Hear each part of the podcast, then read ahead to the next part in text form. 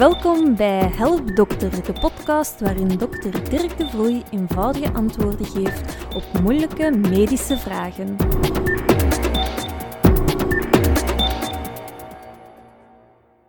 Welkom bij de vijfde aflevering van de podcast Help Dokter. In deze podcast probeer ik als huisarts eenvoudige antwoorden te geven op jullie medische vragen. Vandaag hebben we het over snurken en pillen om te vermageren. Ten slotte zal je ook te weten komen of het vaccin tegen pokken ook werkt tegen apenpokken. Laten we alvast beginnen met de eerste vraag.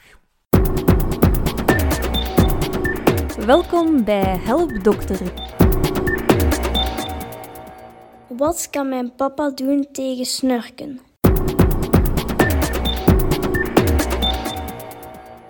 De meeste mensen snurken omdat tijdens de slaap de spieren van de tong verslappen en deze zullen trillen bij het ademen. Sommige mensen hebben een vernauwing van de luchtwegen tussen de neus en de keel. Bij het inademen gaat die ruimte bijna dichtklappen en dan kan men alleen nog door de mond ademen. Doordat men de mond moet openen om te ademen, zal de tong naar achter glijden en zo de luchtweg vernauwen. Ook dit zal trillingen veroorzaken bij het ademen. Deze trillingen van de structuren langs de luchtwegen zijn de oorzaak van het geluid dat ontstaat bij het snurken. De geluiden kan je vergelijken met het leeglopen van een ballon. De lucht stroomt door een smalle spleet, waardoor de lucht gaat trillen en een snurkend geluid maakt. Met het ouder worden zal men meer en luider snurken. De doormeter van de luchtwegen wordt met de leeftijd kleiner. Meestal zal er meer vetweefsel aanwezig zijn en de omliggende spieren en slijmvliezen worden slapper, waardoor ze meer gaan trillen. Mensen die op de rug slapen zullen vaker snurken omdat het zachte gehemelte, de huig en de tong naar achter zakken. De spieren van het zachte gehemelte kunnen ook verslappen door oververmoeidheid. Maar ook alcohol en slaapmiddelen kunnen de spieren verslappen en daardoor snurken in de hand werken. Maar ook roken en zure oprispingen kunnen de slijmvliezen in de keel irriteren, waardoor die dikker worden en de doorgang zal vernauwen en men dus meer zal snurken. Overgewicht zal snurken ook bevorderen doordat de wanden van de keelholte dikker worden. Vernauwingen ter hoogte van de neus, zoals polypen en amandelen, of een scheef tussenschot van de neus kan ook snurken veroorzaken. Ook een neusverstopping door een verkoudheid of een allergie kan aan de oorzaak liggen. Snurken op zichzelf is niet gevaarlijk, maar mogelijk gaat het snurken gepaard met ademstops. Dan spreken we van slaapapneu en moet een slaaponderzoek gebeuren. Men kan snurken voorkomen door ten eerste twee uur voor het slapen gaan geen alcohol te drinken, ten tweede niet zwaar te eten voor het slapen, ten derde te stoppen met roken, ten vierde overgewicht te vermijden en ten vijfde geen slaapmiddelen of kalmeermiddelen te nemen. Er werden vroeger nogal wat middeltjes aangeraden tegen snurken, maar achteraf bleken die middeltjes weinig uit te halen. Zo werd er al eens een tennisbal in een pyjamavest genaaid, maar ook een kinband die de mond gesloten moest houden werd verkocht, of plastic hulpmiddelen om de neus open te houden. Ook de elektrische toestellen die stroomstootjes geven bij het snurken blijken weinig effectief. Tegenwoordig maakt men gebruik van een mandibulair repositieapparaat. Dat is een plaatje uit kunststof en houdt de onderkaak naar voren tijdens het slapen. Dit hulpmiddel wordt ook MRA genoemd. In een aantal gevallen kan een heelkundige ingreep nodig zijn en blijkt die ook nuttig bij het snurken. Bij kinderen kan het verwijderen van amandelen een oplossing bieden. Ook voor volwassenen kan dit soms helpen. Welkom bij Help Dokter. Ik weeg veel te veel en heb al van alles geprobeerd. Ik heb al vijf verschillende diëten geprobeerd. Ik heb geprobeerd om minder te eten. Ik heb geprobeerd om meer te bewegen, maar niets helpt.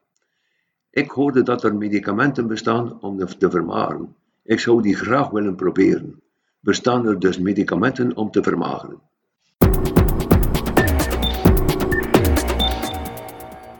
De beste manier om gewicht te verliezen is minder calorieën innemen en meer bewegen.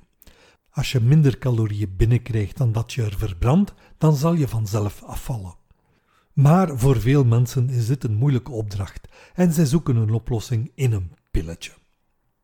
Zowel online als bij apotheken en speciaalzaken kan men in de rekken heel wat vermageringsproducten vinden. Daaronder vallen de vetbinders, de afslankpillen, afslankthee en verschillende poeders. Zij beloven gewichtsverlies, maar het gewichtsverlies is bijna uitsluitend te wijten aan het bijhorend dieet. Vaak zullen ze zonder dieet geen effect hebben. De typische eetlustremmers werden al een tijdje geleden uit de Belgische markt genomen. Het zijn meestal amfetamines die het metabolisme van het lichaam verhogen en de eetlust verminderen. Men verbrandt dus minder vetten zonder iets te doen, maar de middelen veroorzaken slaaploosheid, angst en hartproblemen. Ook schildklierhormonen werden vroeger gebruikt om het metabolisme op te drijven, maar die veroorzaken naast gewichtsverlies ook zenuwachtigheid en hartkloppingen en zijn nu verboden als vermageringsmiddel. Vochtafdrijvende middelen zijn ook een tijdje populair geweest.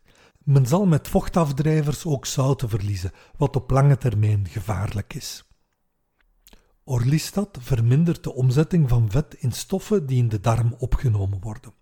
Het vet blijft op die manier in de darm zitten en komt mee met de ontlasting naar buiten, waardoor een oranjekleurige vette diarree ontstaat.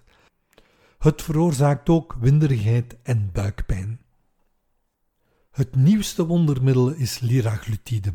Het is ook gekend onder de naam Saxenda en Victoza. Het is een middel dat bij suikerziekte gegeven wordt, maar het werkt ook als vermageringsmiddel doordat het een gevoel van verzadiging geeft. Hierdoor ervaar je minder honger en ga je minder eten en dan ook afvallen. Het product wordt met zijn injectie toegediend en heeft tal van bijwerkingen zoals misselijkheid, diarree, braken, buikpijn, winderigheid, verstopping en duizeligheid. Bovendien wordt het ook niet terugbetaald als je geen suikerziekte hebt en het is wel verschrikkelijk duur. Het geneesmiddel is ondertussen zeer populair bij mensen die een paar kilograms willen verliezen. Maar daardoor is er onvoldoende van het geneesmiddel beschikbaar voor mensen die suikerziekte hebben en die hebben dit echt wel nodig. Er is nu een aanbeveling om liraglutide alleen nog voor te schrijven aan mensen die een dieet volgen en toch een extreem verhoogd lichaamsgewicht blijven hebben. Zonder bijhorend dieet is het effect van het product ook zeer beperkt en na het stoppen van het product zal er teruggewichtstoename optreden. Welkom bij Help Dokter. Je hoort nu overal mensen die zich willen laten vaccineren tegen apenpokken. Met veel oudere mensen hebben vroeger toch al een vaccin tegen pokken gekregen. Beschermt het vroegere vaccin tegen pokken ook tegen apenpokken?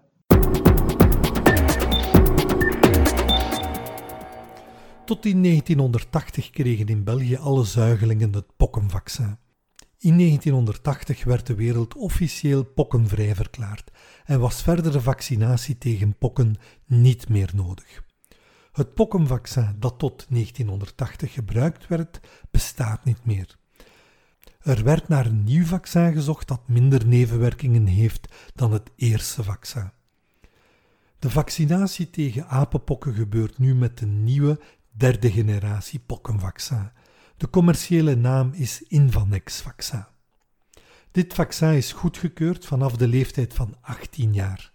Er treedt volledige bescherming op na twee prikken in de bovenarm.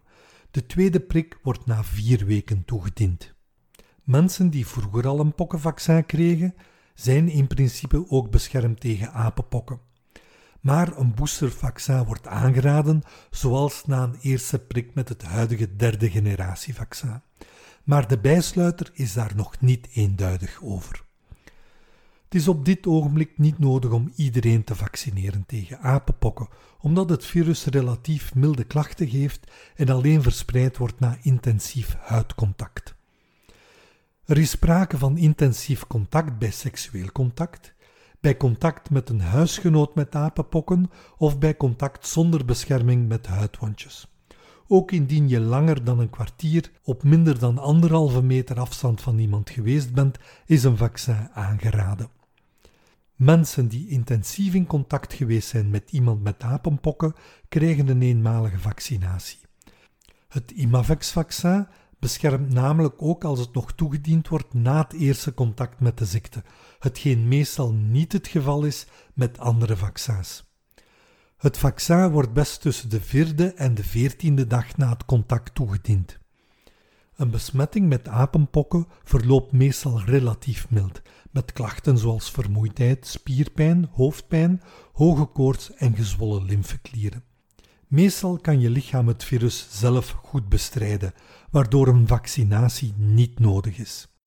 Vaccinatie is nu voorbehouden voor personen die intensief contact hadden met een besmette persoon, voor zorgpersoneel na een hoogrisicocontact zonder bescherming, voor immuungecompromitteerden na een hoogrisicocontact en voor mannen die veelvuldig seksueel contact hadden met andere mannen.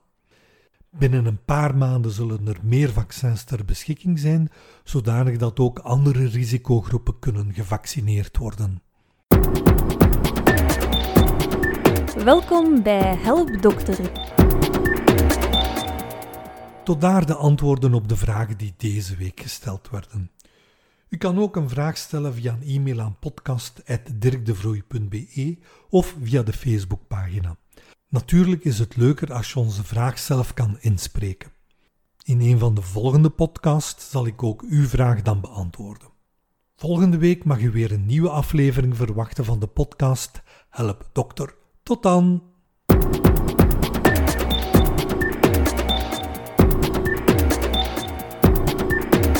Dit was Help Dokter, de podcast van Dr. Dirk de Vrooij.